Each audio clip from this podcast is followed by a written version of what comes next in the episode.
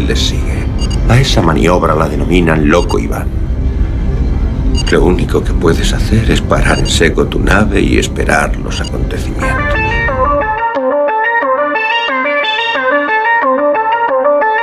Galaxy 347 of Space Patrol ship.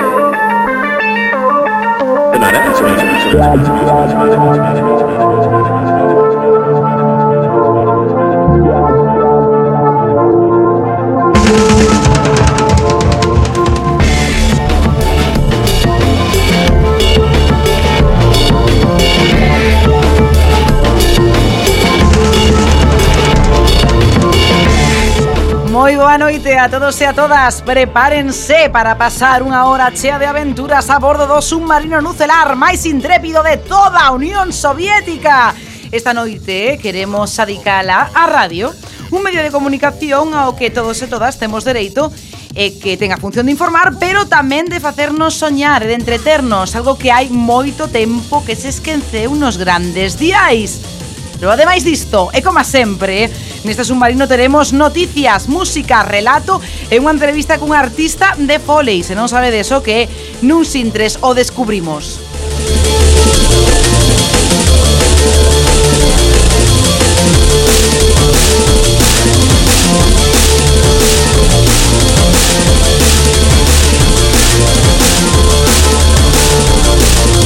Yeah. Please stand back from the automated door and wait for the security officer to verify your identity. Before E nada disto sería posible sen o señor Bugalov na sala de máquinas. O camarada Lamelov sempre cos torpedos. O xefe de cociña Birnarem. Boas e surrealistas noites. e o moi castigado esta noite, Tovarix Esmendrellev. Guau, boa noite a todos e a todas. Peosca, por favor, camarada, regrese xa, fai máis falla que nunca neste submarino. Saúda vos a capitana Esbletana e Isto é Loco Iván. Comezamos.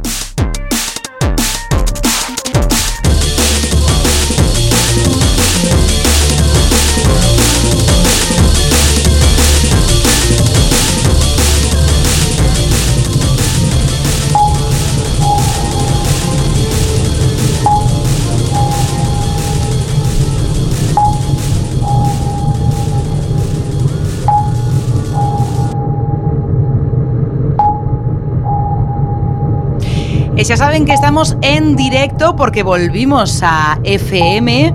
eh, así que se poden poñer en contacto con este submarino a través das redes sociais por Facebook Loco Iván Cuac, por Twitter arroba Loco Iván Cuac ou xa saben tamén nos poden chamar o 644737303 é o número para WhatsApp ou para Telegram ou chamarnos directamente ao 881012232.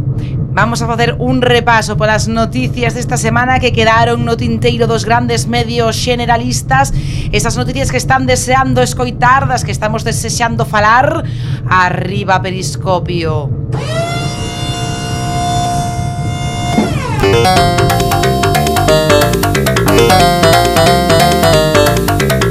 Quack FM Loco Iván. Periscopio.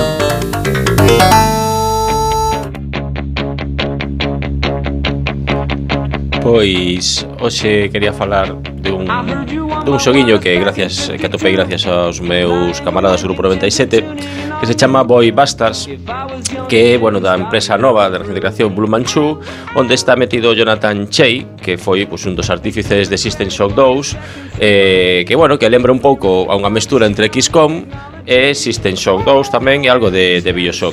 En primeira persoa ten gráficos así estilo comiqueiros, eh, ten tamén componentes tácticos e polo que puiden ver a verdade que ten ten pois pinta. Será en 2019 en Humble Bundle, se Lenin quere, claro, xa sabedes non se pode poñer, non se pode escoller esta música porque así non se poden dar as noticias. é que música mítica. Bueno, pois pues tamén este, esta semana saiu, bueno, saiu. Está de regalo de Gasallo o Aucas, o remake do mítico videoxogo do ano 99 que fixeron a nova versión o ano pasado da que xa falamos moitas veces, pois pues uh -huh. está de gratis no Humble Bundle tamén ata mañán. Entón aproveitade bueno. que, boa, Ata eh, mañá pouco tempo hai, pero... Bueno, polo menos eh, que tenga a oportunidade. Estivo 48 horas gratis. Mañán remata. No Humble Bumble. Humble Bumble. Bumble. Bumble. Bumble. Humble Bundle. Bueno, e hoxe, como ben sabedes, é o Vender Negro, o Vender Negro. E entón están de, de ofertas, pois GOG, eh, Steam... Matar humanos. Matar e recorden non mercar en Amazon. Amazon. Nunca xa máis están en folga adiante, camaradas. Pois, bueno, están con descontos en videoxogos en Steam, en creo que ata 90%, e hai, bueno, moi boas ofertas. E tamén falar dun par de series que, pois, bueno, non sei se son boas ou non, pero en principio teñen boa pinta, porque, bueno, creo que só saiu o primer capítulo. Unha chamase Blue Drive, que está ambientada, fixadevos, nun futuro, pois, apocalíptico, pois, un madeiro retirado ten que participar na Blue Drive, que é unha carreira ilegal de coches impulsados por sangre humana. Oh! Que argumento! Eso sería o mellor que pode pasar cos coches. Ben, pois dan 10 millóns de dólares para o gañador e, eh, bueno, que non gañe, pois ten morte case, case segura. Si go, gore e violencia gratuita galla que é o que o que ten que ser. E outra é Super Drags, que é unha serie de animación pois que ten pinta, que seguro que lle mola aquí ao camarada Birnare. Vai dun grupo de amigos gays que traballan nuns grandes almacéns e levan unha vida pois moi aburrida. Pero pola noite son super drag queens que combaten o crime pois vestidas fabulosas. Así que vamos, esta penso que non hai que perdela. Muy bien. Qué fantástico. Hai que seguir coas noticias, de acordo, veño, Birnaren, cales son as túas noticias Veña, da semana? Pois a noticia máis impactante da semana é que eh, satanistas e Netflix resolven unha demanda por plagio como Pois efectivamente, nos aquí son, só promocionamos as religións de verdade, non? E claro. teníamos a, do, a do Deus Spaghetti, os Pastafari e aquí pois, satanismo, pois, o satanismo. O Maradona. E a Maradona. A Maradona, a Efectivamente. Maradona. Sempre me discriminades, os frisbiterianismo tamén mola moito. Bueno, bueno, bueno, non tanto. Non tanto. Os... Bueno, o caso é que Netflix estrenou a finais de outubro a serie El, O mundo oculto de Sabrina. Ai, sí. Uh -huh. Que é unha revisión da serie Merder de Sabrina. Efectivamente. Pois pues está dos... Esperemos que menos no, merda. non a cantante. Ah. o caso é que eh, o templo satánico demandou a Netflix eh, por 50 millóns de dólares.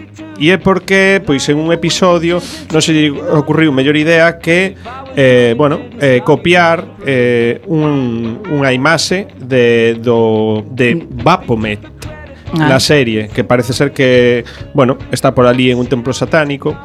E, e, e nada, que finalmente parece que chegaron a un acordo que se descoñece calé e pois Bueno, está ben.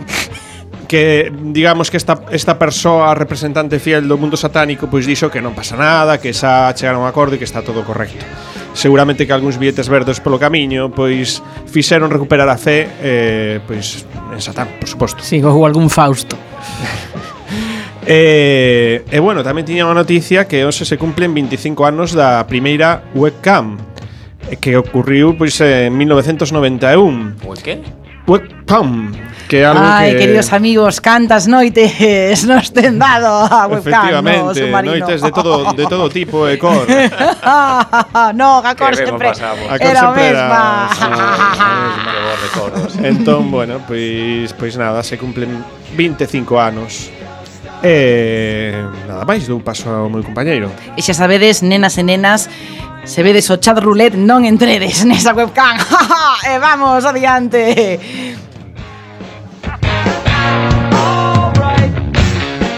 Bueno, pois pues, o único que quería comentaros é eh, é sobre unha escritora galega, coruñesa, para máis señas, de ciencia ficción, para máis señas todavía, chamase Nieves Delgado, tivémola aquí nalgúna, nalgúna ocasión, e a cuestión é que este sábado día 17 pois gañou o Ignotus, por un relato que se, bueno, está titulado 36, non? Elas a gañara o Ignotus noutra ocasión, en 2015, por un relato dunha eh, vamos, dun recopilatorio de relatos dela que se chamaba 18 enganases E nada, pois felicitala desde aquí. E comentar que 36 é unha novela corta de Cervero que trata dunha inteligencia artificial ar, dunha sí. inteligencia artificial que nun momento dado empeza a facerse pois as preguntas que todos nos facemos un pouco, de onde vemos, a onde vamos, que canal de Netflix ou que serie queremos seguir, ou que sei. Pero tites esas preguntas realmente? Ás veces sí. No, porque tens que saber de onde vimos, pois de onde día capitana, e a onde vamos, a onde día capitana. Por suposto, capitana. Pois, eso. E que comemos o que divir naden. Bueno, comemos o que podemos. Eh, vamos, arriba periscopio ou abaixo ou como se xa.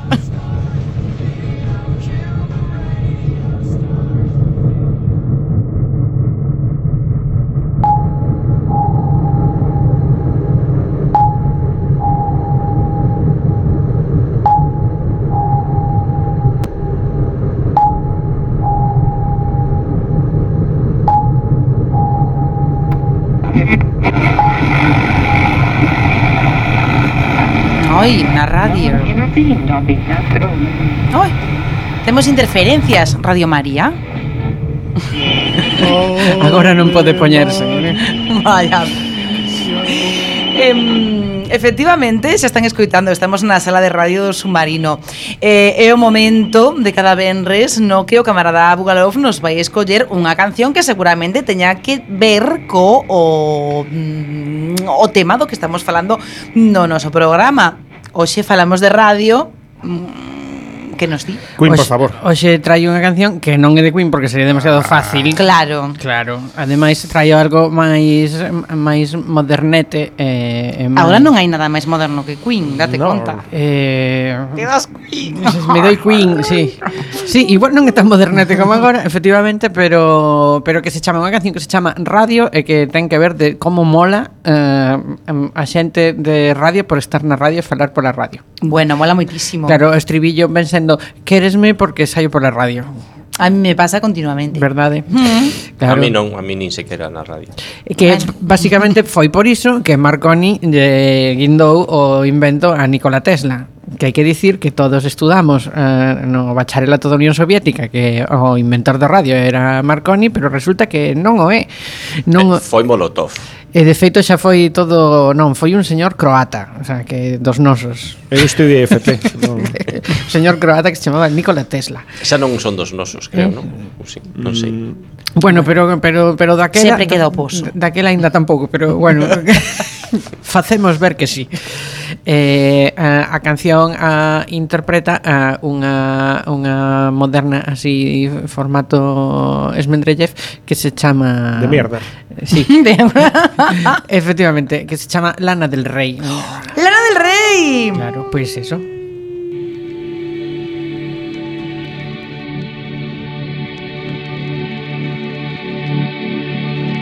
Not even they can stop me now.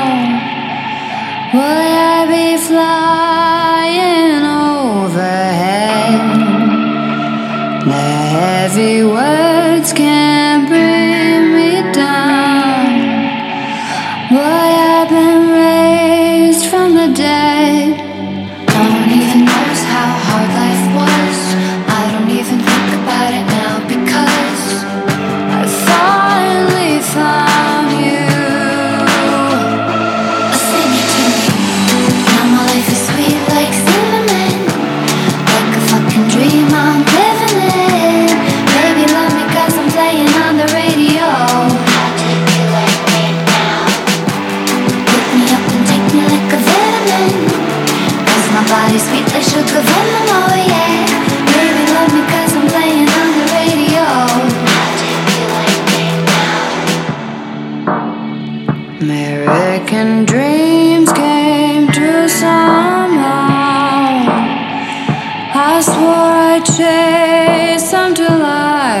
I heard the streets were paved with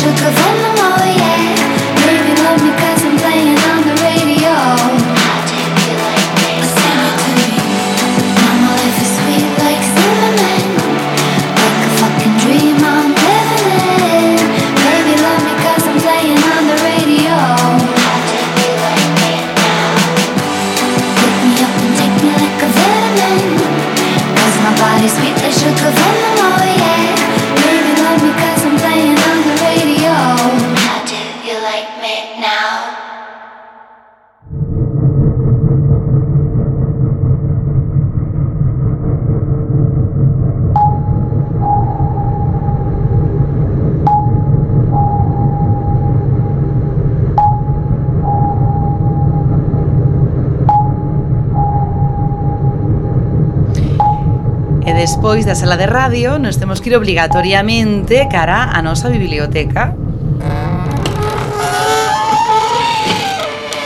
Esta porta a Merder. Logo que vamos falar, que vamos falar co entrevistado de foley, vamos preguntarlle en plan que lle parece esta, esta porta moi merder que temos no submarino. Pero, dende logo, que o que temos que facer sempre que entramos na biblioteca? Temos que recurrir ao noso IMM, hoxe máis que nunca, IMM, eh, o Tovarixes Mendrellev, intelectual moderno de merder, que vai escoller completamente o azar tamén como como eh, fai Bugalo foi, cando escolle a súa, a súa canción, pois vai escoller un libro que seguramente teña algo que ver, ou teña algunha relación coa radio mm, coa radionovelas, non sei. A ver, que temos por aquí? Quitamos un pouco así. Esta eh, ha sido sin duda a interpretación máis horrible en ¿eh? que que levamos en tres temporadas. Pero... Vai levar o Grammy. ¿eh? Efectivamente. Pois que temos diante? Pois mirade, temos eh, a primeira novela da saga do Aznar como pois como es Capitaner. O protagonista de terror, de terror. O protagonista de Miguel Ángel Acaba Aznar de Soto. La boda roja. oh, ojalá foran vermellas todas as bodas. Non, non, espera, non, que estou a punto de cometer un delito. De... Todas non. Non todas, non todas. Bueno, esa igual, pode decir, ser todas un pouco as... vermella, sí. Eh, e non pasaba nada, verdad? Non. Bueno, un ben pa a humanidade. Eh. Eu penso que igual hasta gañaba o país. Bueno, o noso. O cuestión que hai un autor eh, non moi coñecido fora dos círculos de ciencia ficción, pero moi coñecido dentro dos círculos da ciencia ficción, que é Pascual Enguídano Susach, máis coñecido porque escribía con seudónimo como George H, non sei o que é H. H. Debía pensar, pensaría, tío, como lava, como bomba H. Claro, o, George Howard. George Howard. O Halley. Wife. O Henry. White. E bueno, este home pois escribía con pseudónimo, facía ciencia ficción, eh, editou a primeira parte desta saga, a saga do Sadnar, que é basicamente unha space opera que vai evolucionando entre 1953 e 1958, e do melloriño que había por esa época, considérase que o decano ose por ose da ciencia ficción española, porque foi o que a creou, e ademais hai que dicir unha cousa sobre esta saga, que tivo un tremendo éxito radiofónico no seu momento, porque o emitían como radiofónico radiofolletín, Ajá. non? Como radionovela. Entón, pois bueno, seguramente o azar quiso que fora o que escollemos esta vez para probar a ver que tal. A primeira noveliña chámase Os homes de Venus. Pois vamos.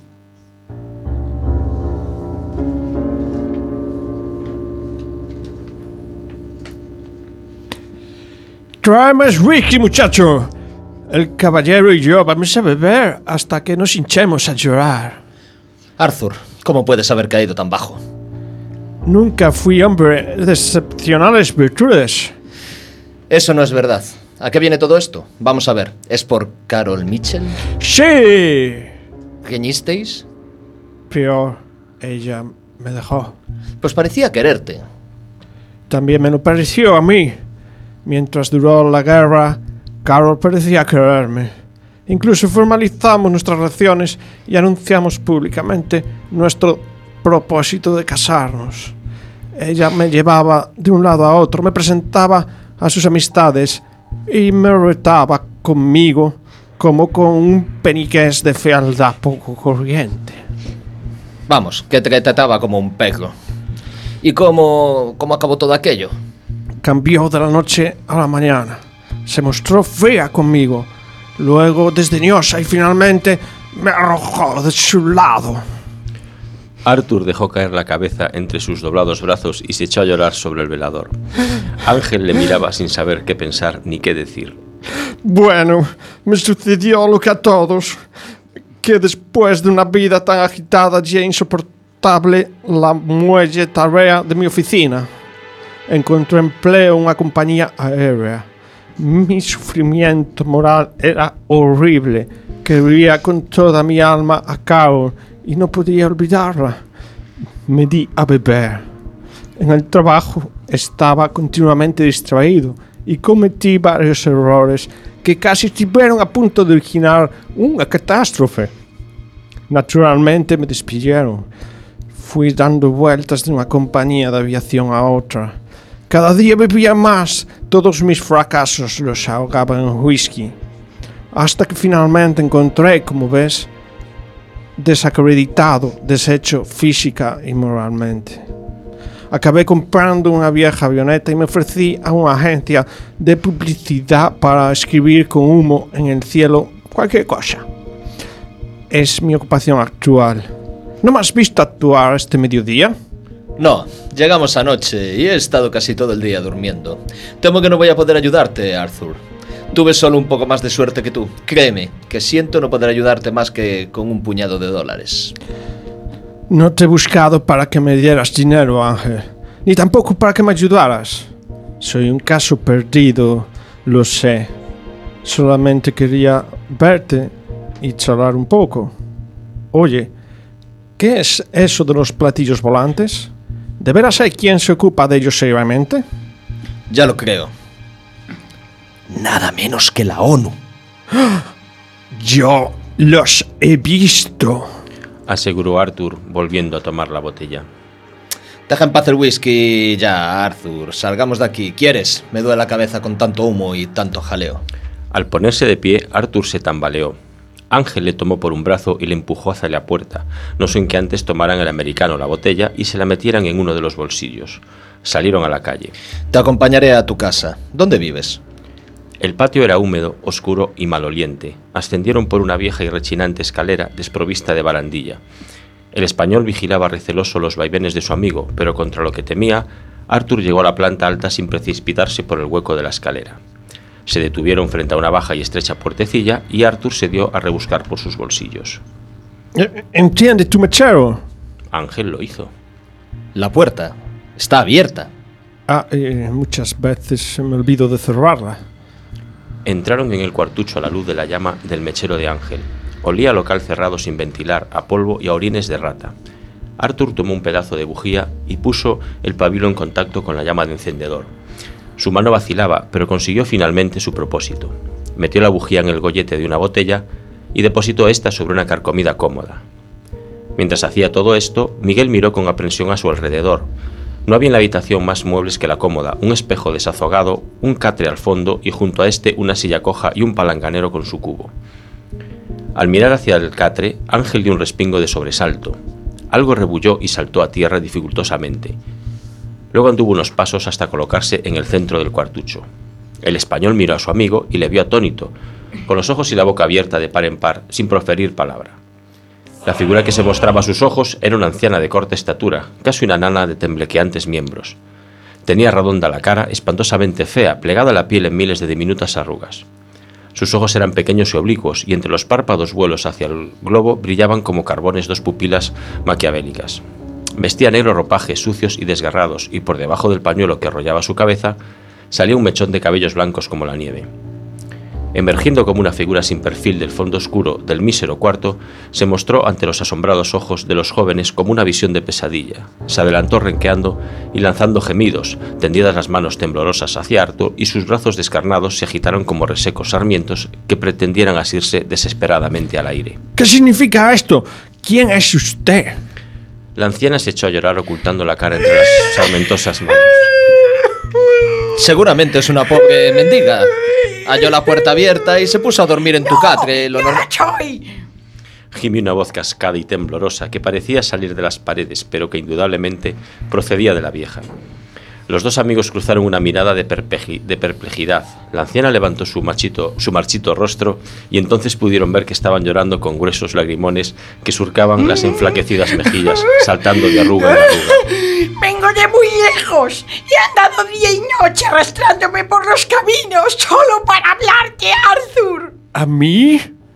¿Acaso me conoce? Yo te conozco, Arthur, y, y tú me has conocido a mí. No. ¿Quién es usted? Ay, tengo miedo de decirlo. Temo que no vas a creerme, que no puedes creerme. Y sin embargo, solo tú puedes ayudarme. Ángel miró a hartoadillas a su amigo. Le vio humedecerse los labios con la lengua y restregar los pies en el suelo con inquietud. La luz agonizante de la vela chisporroteaba en el aro de oro que pendía del lóbulo de la mujer, estirando cual si mantuviera aquel peso durante siglos. Un silencio denso y sofocante se cernió sobre el lóbrego espacio de esta miserable habitación. Miguel Ángel creyó percibir el aleteo de una sombra que rozaba su frente con el frío viscoso de la muerte. tuvo el presentimiento atroz de una inminente calamidad que nada ni nadie podía detener. ¿Quién es usted? Dios mío, Dios mío. Ni siquiera me presientes, Arthur. Soy yo, Carol Mitchell. Pero, Lo que dice la vieja, oyes. pero, pero mujer, eh, ¿no se le ocurrió otra a quien parecerse? De usted a Carol Mitchell hay tanta distancia como... Arthur, escúchame. No me digas tú también que estoy loca. Déjame que te explique. Concédeme solo un minuto por el amor de Dios, por el amor que me tuviste, por lo que más ames en este mundo. Yo soy Carol, créeme, Arthur. Dios mío, voy a enloquecer. Bueno, bueno, cálmese, buena mujer. ¿No comprende que lo que está diciendo es imposible? Carol Mitchell es joven y, y bella. Y yo soy un Hugo, un higo. Yo soy de Carol Mitchell que tú amaste, Arthur. Y venga, que dale. ¡Que yo soy Carol! Voy a demostrártelo. Pregúntame lo que quieras. Mira, este anillo lo recuerdas. Es de tu madre y lleva grabada dentro la fecha en la que se casó. Tú me lo diste la noche que me besaste por primera vez en el jardín de los Tramors. ¿Te acuerdas de los Tramors? Él era muy alto y delgado, y ella menuda y regordeta. Él estaba paralítico de una pierna y se apoyaba para andar en un bastón. A ti te sorprendía el modo de quererse de aquellos dos seres de tan distinta naturaleza como tú y como yo. Tenían una niñita rubia llamada Susana que sentía gran predilección por ti, ¿no te acuerdas? ¡Basta! Pero eh, mm, eh, es verdad. Ese- este anillo fue de mi madre y yo se lo di a Carol. ¿Dónde está Carol Mitchell? Escúchame. El profesor Maddox sobornó a nuestro piloto para que nos llevara al Tíbet en vez de a Teherán. Y allí, con la ayuda de los hombres grises, me robó mi cuerpo. ¡Mi cuerpo! ¿Comprendes ahora? El profesor y los hombres grises sacaron mi cerebro de mi cuerpo y lo trasplantaron en el cuerpo de Sakya Kukunor. Y el cerebro de Sakya está ahora en mi cuerpo. ¡En mi cuerpo! En el cuerpo que tú conoces y deseas. En el cuerpo de Carol. Arthur, créeme. No, no. Todo eso es una mentira. No puede ser verdad. Que sí, que sí es verdad. ¿Comprendes ahora que está próxima a enloquecer? ¿Comprendes lo horrible que es tener un cerebro joven y un cuerpo con más de un siglo de edad? Mírame, Arthur, mírame. Yo soy aquella Carol que tú querías, aunque este cuerpo no sea el mío. Yo sí soy yo la misma Carol. Yo era hermosa ayer, yo era joven. ¿eh? Y hoy soy horrible, soy una vieja. Siento próxima a la muerte. Nadie quiere creer que sea Carol Mitchell.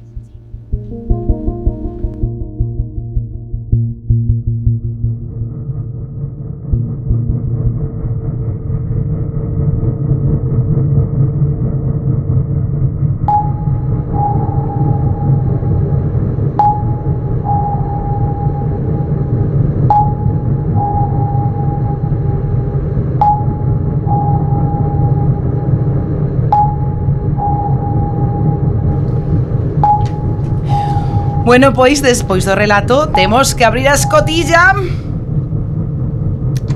Bueno. Vai pouco a pouco, pero vai a escotilla para recibir a Miguel Barbosa, artista de Foley. Moi boa noite.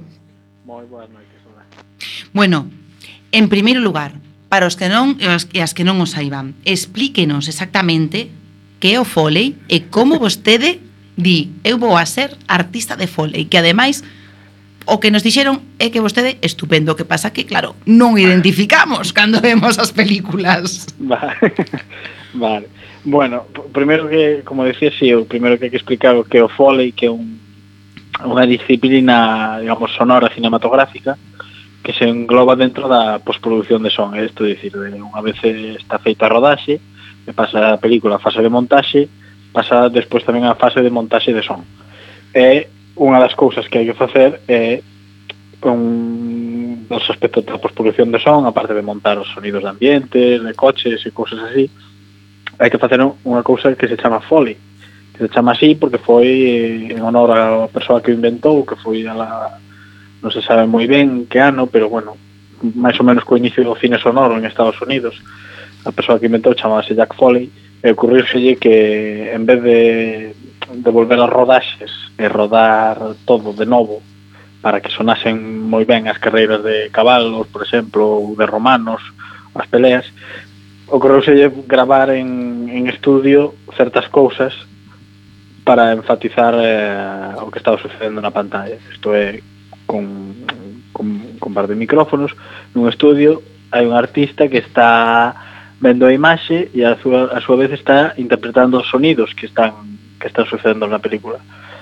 Por eso é que unha das cousas que temos que facer sempre son os pasos das películas, os ruidos de roupa, os ruidos de, imagínate, de vasos, de, por exemplo, eso que puñes aí dunha escotilla dun, dun submarino. Claro, temos aquí. pois, eh, pois ese tipo de historias como un, añadir esas, esas trampillas, esos sonidos, esas, ese, esos ferros así, eso cousa moi de, respecto ao artista de foley neste caso, no equipo de foley. O artista do foley o de fole ao final é o que nos fai querernos, o que nos fai querernos o que estamos vendo ou o que estamos parte, escoitando. Sí, en parte sí, e sobre todo que xogamos moito coas, coas emocións de como queremos por, por certas por certos aspectos, por imagínate un personaxe queremos que camiñe dunha maneira, evidentemente hai que camiñar como máis ou menos camiña a persona que, que está en pantalla, pero sí que moitas veces podemos trampear un pouco no tipo de sonido de zapatos e cousas así para darlle un matiz emocional diferente. Eh, eh, sí, sí, non sei que me que iba a contar tamén, pero pero, bueno, esqueceuseme. Non pasa nada porque temos sí. moitísimas preguntas. Por exemplo, vale. como se chega a ser un artista de un artista de foley? Pois eh, un pouco pasa aquí e pasa en Estados Unidos en, con todas a xente que se dedica a isto que coñezo que foi un pouco por, por casualidade. No meu caso eu quería me dedicar á postproducción de, de son sobre todo cinematográfico e descubrín que había aí un campo e empecé a meter porque tiña un profesor que me dixo, oye, mira, que están buscando un estudio porque non hai ninguén que faga por aquí, se te apetece e empecé así desta, desta maneira hasta, bueno, é un traballo bastante, digamos, obsesivo, porque eu levo traballando vamos, ininterrumpidamente en películas desde, desde o ano 2009 sin dormir eh, ni nada. eh, eh, eh, que é un, un traballo que todos os días ten, presenta un reto diferente. Eh, vamos, aburrir non te aburres porque sempre ten ese punto artístico sonoro que, que tes que alcanzar e sobre todo que o máis importante que os, o espectador non se, non se dé conta de que, de que eso é artificial porque digamos que nas rodaxes o que se o que se grava o que se intenta gravar por os, mayoritariamente son os diálogos dos, dos actores. E se escoitades unha película sin, sin a postproducción de son escoitaredes os diálogos eh, sin afinar nin, nin moita, nin moita floxitura pero sí que non casi nunca escoitaredes, por exemplo, como camiña unha persona, como claro. como se senta, como como como fai moitas cousas. E o claro exemplo, por exemplo, son as películas, películas de acción para que se vexe así bastante claro. Os actores nunca se meten de de palizas aí na, na rodaxe. É todo é todo mentira, todos os golpes, todas esas cousas é Toda, bueno, a non ser que se xa unha película do fina do Bruce Lee, non, eh, aquela aquela lenda, non, de que de que sí que zoupaba. Eh, ah, nos nós como se sabe que estamos aquí nun submarino soviético e somos así moi frikis a ciencia ficción e tamén do terror, así que eu lle tiña que preguntar, eu lle teño que preguntar, ademais que agora acaba de facer, creo, Lázaro Feliz, que ha estado no no Festival de, de Sitges, vimos por ali na súa páxina que tamén participou no, no Folly de Insidious, Uh -huh. E como se dá medo? Porque o medo, cando máis medo dá, é, é precisamente gracias a esa, a, a, ao ambiente. Sí, sí. Sí, e de feito, cando nos chega, por exemplo, unha película como Insidious, eh, ou destas así, ou, por exemplo, Verónica, sí que cando escoitas eh, de rodaxe moitas cousas que, que tens que facer, eh, dá así como un pouco non, non a risa, pero como que dices, pero que pasa aquí? Porque de repente igual unha persona move o actor, move a cabeza en plan de, oh, escutei un ruido, tal, pero claro, nos o que temos non ten nada. Simplemente claro. eh, eh, eh, imaginarte o que tens que, que facer, evidentemente, cas, cas notas do director ou do, do diseñador de sonido, pero sí que unha película, por exemplo, como Insidious, que tiña a última que tiña moita importancia unha casa, algo típico das películas de terror son que son os, os chans de madeira casi sempre cruxen. Entón, cando vai camiñando unha persona vai sonando pois pues eso é moi, digamos, moi moi cliché do cine de, de terror e certas cousas. Eh, digamos que sí, que o cine de terror é, eh, eh, vamos, postproducción pura e dura porque porque o sonido aí nese caso sí que é unha parte moi fundamental. Contáronnos por aí que incluso chegaches a traballar para, para Bollywood. O sea, eso nos ten que comentar algo porque eso nos ten fascinadas aquí, no, no submarino. Sí, sí, sí, porque por eso o que comentaba que realmente tampouco somos tantísimas xente que o facemos no mundo. Eh, E sí que mm, cando empezas a traballar con unha persona, esa persona recomenda a outra, esa outra recomenda a outra, eh, ao final acabas eh, pues, traballando con xente de Dinamarca, de Noruega, de Colombia, de Estados Unidos, de, de Madrid, de, de moitos sitios. É un dos sitios cos que normalmente solemos traballar unha vez o ano ou dous, con Bollywood e tamén con Collywood, que é a zona do sur, zona tamil, que uh -huh a zona do sur da India, a India é un país inmenso, entón teñen unha industria tamén a parte de, me gusta contado de, teñen a parte de Bollywood, que é a zona de, de Bombay, mm. e despois teñen tamén outra bastante potente, pero bueno, non tanto como Bollywood, que é Collywood, que, pero bueno, que xa tamén do, vamos, eh, dos, an, dos anos 20 xa estaban facendo películas ali. Pero vostede déase conta o que mola, quero dicir, porque isto pode dicir eu eh, son Miguel Barbosa a, eh, artista de Foley que traballa en Hollywood, entón dirán bueno, se está echando aquí un no, hombre, no, o, ao, fin, o final é eh, un, un traballo no que eh, todos os días tens que levantar as, as sete da mañá para ir a, para ir a, para ir a traballar. Ten moito parece a veces que en plan que simplemente vamos ao estudio, facemos catro cousas e non, pero bueno. Pero non, eh, non, non, non, non hai tanta No, no, é Non é tan intrépido, non como sí, como no, é un traballo con, que requiere moita dedicación, moito moito esforzo nese sentido e despois claro están o tema das entregas que moitas veces son son son super apretadas. Entón, a veces ainda que parezca peculiar, dicir, ah, está traballando en sonidos de película de terror, a maior parte do tempo facemos cousas que podía unha persoa pensar, que aburrido, sabes? facer pasos, facer eh, camiñar todos os personaxes, facer eh, unhas comidas, por exemplo, que hai, hai no que facer porque Claro, porque por... o queda veracidade. Claro, porque despois hai unha parte moi moi importante que para as ventas internacionais eh, ten que haber unha vamos, unha pista de sonido que chaman música de efectos, que é por eso por a que, por exemplo, en España as películas dobladas eh, sona todo menos os diálogos. É porque realmente todo o que está sonando é, é posproducido, non existía na rodaxe. Ro, eh, fixo, fixose todo a maiores. Miguel, Unha, unha última pregunta. Mm. Non sei se nos podes contar, non sei, cal foi o son máis complicado que tiveches que, que tiveches que, que inventar ou que tiveches que, que crear eh, o que, que é o máis difícil dentro do, do fole, que supoño que haberá mm, sí. infinidade de cousas ou cousas sí. que queremos que son moi sinxelas e non o son. No, no. Sobre todo cando hai efectos visuais de, de, de xerados por, por, por computadora, os, os que chaman os CG, CGI. Agora mismamente estuvimos, tocábamos unha película unha película india que era un desmadre, que era miles de teléfonos móviles que se convertían nun, nun paxaro que voaba, que voa, que ataca un robot xigante, pois pues, imagínate cando cando tú chegas ao estudio e ves que tens que facer eso e vamos, hai que botarlle imaginación e sí. a ver como como consigues facer un, un, un robot digo, un páxaro xigante que, que cando move as alas sonen como miles de teléfonos móviles.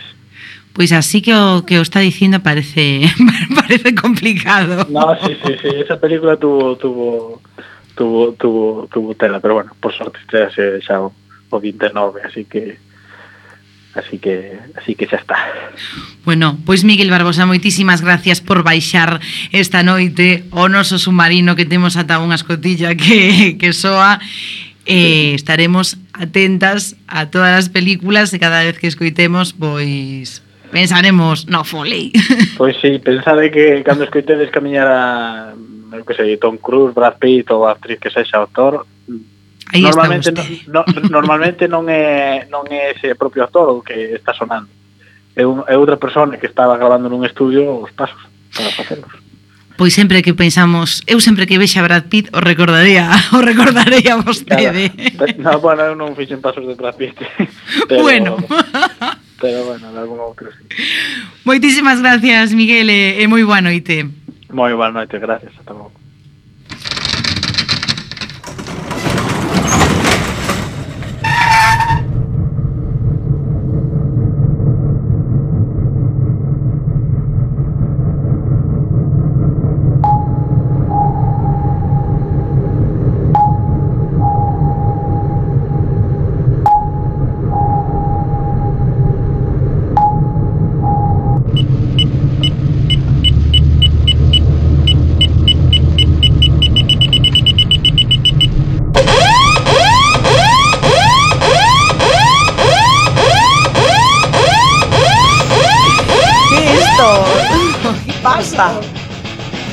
Ay, estamos en inmersión. Bueno, pues nada.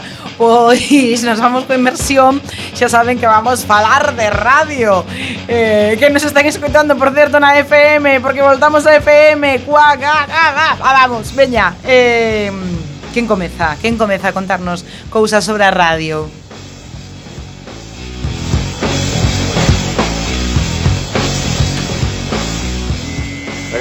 A. Some shape is rising out of the pit. I can make out a small beam of light against a mirror. What's that? There's a jet of flame springing from that mirror and it leaps right at the advancing men.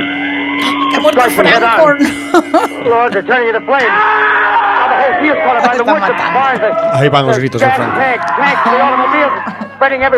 Coming this way now, about 20 yards to my right. Bueno, pois eh, isto que soaba era o que fixo no ano 1938 Gran Orson Welles Que era, bueno, pois unha dramatización radiofónica da obra de H.G. Wells, A Guerra dos Mundos O que ven dicindo, bueno, a narración é un momento, algo sucede, atención, unha forma Pero redondeada porque, se porque, levanta Porque eh, ti sabes traducir do yankee?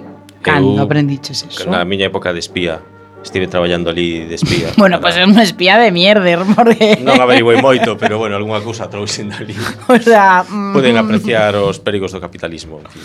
Eso pois pues iso, que, bueno, eh, ven contando como eh, entran nun burato e empezan a sair eh, eh seres e disparar a xente que fuxe, eh, e prenderlos en chamas e tal. Entón, fai non unha relación como se fora estuviera acontecendo, non? Pois naquel momento a xente, bueno, pois fixo tan, tan ben, a que Orson Welles sabía narrar moi ben, que creeron que fora fora que era verdade. Entón montouse pois eso unha especie de pánico entre toda a xente que escoitaba a radio porque creeron que realmente estaban invadindo os Estados Unidos, vamos, que estaban invadindo o país uns extraterrestres. E claro, tampouco había moito coñecemento de daquelas, pero bueno, tal e así, bueno, propio eh, Orson Welles antes de facer o programa pensaba que esa dramatización que ia ser moi aburrida, que a xente non ia creer eso porque era un pouco chorras, pero sin embargo pois pues a xente non, o creeron. Claro, infravalorou a capacidade da xente de creer cousas chorras, que eso é algo moi claro. moi perigoso. Entón, pois bueno, montouse un follón de mil pares. Se volveron a, bueno, pois bastante desquiciada xente que se pedían a súa cabeza, pero el, bueno, pediu disculpas e tal, dixo que non quería facelo máis. Sen embargo, eh, pois resulta que uns anos anos despois, no ano no ano 49 en Quito, en Radio Quito quixeron facer o mesmo. Eh, a cousa non foi tan ben porque a cabo de 20 minutos a xente estaba cagada de medo, pero foron á radio a prenderonlle lume. entón tiveron que sair dali por Pero eso era por, o sea, quero dicir, creeron que así acabarían cos co ataque extraterrestre. Non, deronse conta de que era unha broma, entón quixeron bueno, vengarse. E, bueno, o, mal. unha traxedia que morreron cinco persoas da radio. Bueno. E aparte o curioso é que a policía eh, non quiso intervir, porque dicía, va, como están de coña, ala, que lles dean. Así que, bueno, foi o que se coñece como a traxedia de Quito, que, en fin, non di moito da... Bueno, pois, pues, eh, a, Bueno, xa non sei que decir tras isto, pero rec recordar, recordar Un, sa- un saúdo para Quito, un saúdo para Radio Quememos el observatorio No, para que no. esto no vuelva a ocurrir. Sí, eso era dos Simpson, pero bueno. Ay, Dios mío. Bueno, vamos a pasar a outra cousa que non, pero. KRML, David Garber. Diga. Ponga nebuloso para mí.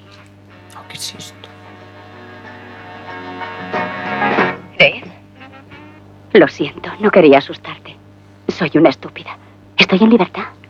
el tratamiento fue una pesadilla, pero ya terminó. ¿Dónde estás? En el aeropuerto de San Francisco. Dentro de unos minutos sale mi avión. Tengo un empleo en Hawái. Entonces estás bien. Sí, Dave, muy bien. Solo quería decirte cuánto lamento lo ocurrido. Procura olvidarlo. Eso espero. Porque esa muchacha únicamente vivía con un deseo. Amarte y ser amada por ti. Pues ¿Tienes una... cerca la radio? Ay, no. No. Pero ponlo de todas formas. Unha das voces máis radiofónicas que hai da Constantino Romero Neste caso, pois como a sempre, casi sempre dando voz a Clint Na película eh, Play Musty for Me, que toca Nebulosa para mí Perpetrada aquí como Escalofrío na noite Bueno, Mira, toca nebulosa por mí, eso que es. Escalofrío ¿Dónde tienes tú la nebulosa, amigo? Mm, no. Non no teño, tiven, pero xa, a perdín. Bueno. el peluchón, la nebulosa. Pues, no, escalofrío na noite está moito mellor. Pois é unha película de terror psicolóxico do ano 71 que foi protagonizada e dirixida por Clint Eastwood con Jessica Walters facendo o papel de malvada malvadérrima que era que soaba pois, aí pola radio. Un papel que case llevaría un globo de ouro pero que ao final gañou eh, Jane Fonda en ese ano. Oi, pois sería mm, eh, que non tiña nin idea ¿eh? eu a, a primeira película mellor que dirixiu a Clint. Sí, foi a primeira a primeira que dirixiu Clint Eastwood, a primeira película como director. E conta a pois historia do, pues, dun locutor de radio dun programa nocturno que inclúe música e poesía, máis ou menos como o noso. Oh, sí. E unha noite coñece unha muller que estaba obsesionada co seu programa, pero o locutor pois pues, non lle importou moito e, bueno, e paceron xuntos esa noite, xa saben, comeron erva no prado. E o caso é que, bueno, a muller pois pues, tiña... Le comió la nebulose. La nebulose, sí, con, en fin eh, que, bueno, o caso é que paceron, eh, era muller con uns problemas con certos trastornos, eh, bueno igual preferiría comer outro tipo de cousas e acaba metendo en problemas ao Clint Eastwood. É unha destas películas típicas de terror semellante ao do Cabo do Medo ou en plan yo hice a Roque III e foi un... pajares? Pois pues así de ese tipo, de, ese tipo de terror psicolóxico. Bueno, caso que estivo ben, tivo aceptación e deixa, bueno, ver a canción bueno, ten unha canción que é a principal da banda sonora de Dear Barton que foi pois, pues, un gran éxito comercial que isto que estaba soando por aí de fondo.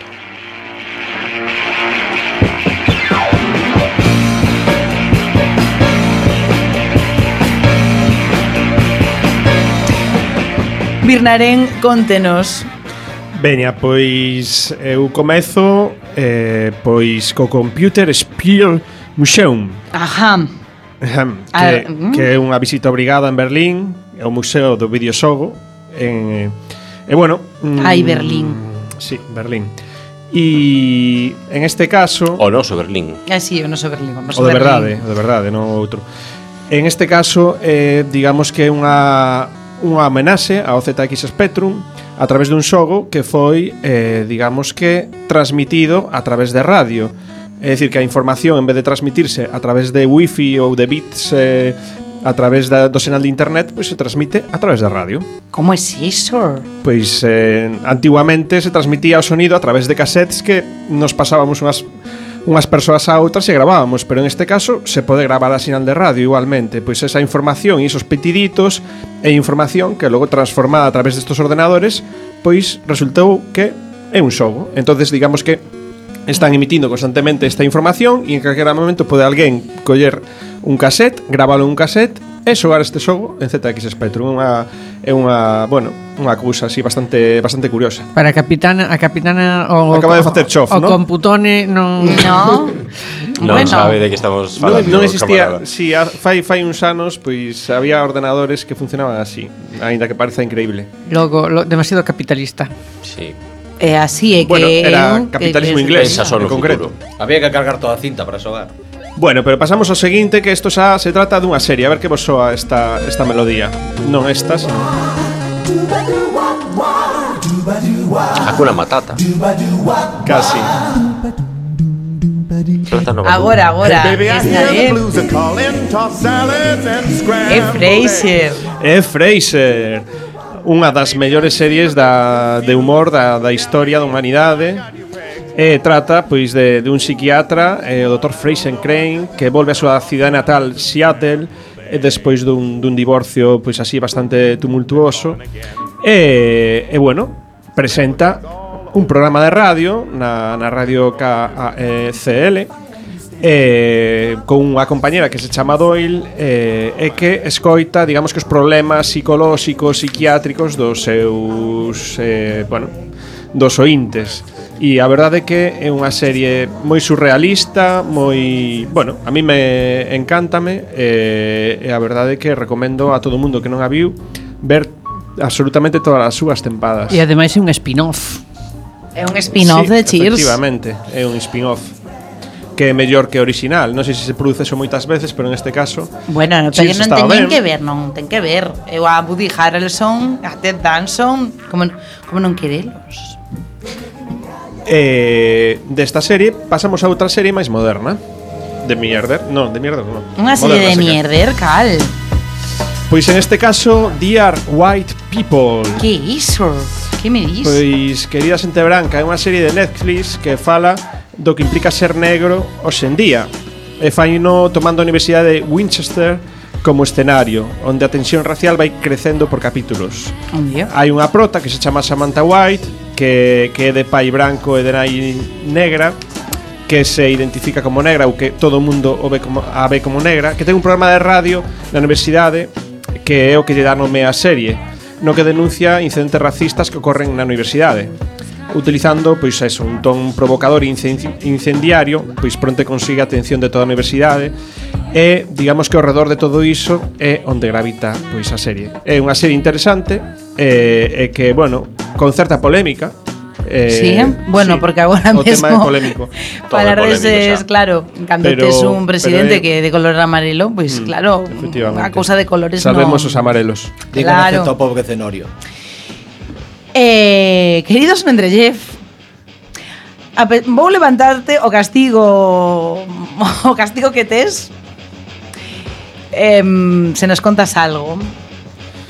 Oi, pois que contar. A min gustaría me falar un pouco do que é a radionovela. Comentábamos antes que o textiño que fixemos hoxe Tivera bastante éxito neste formato, non?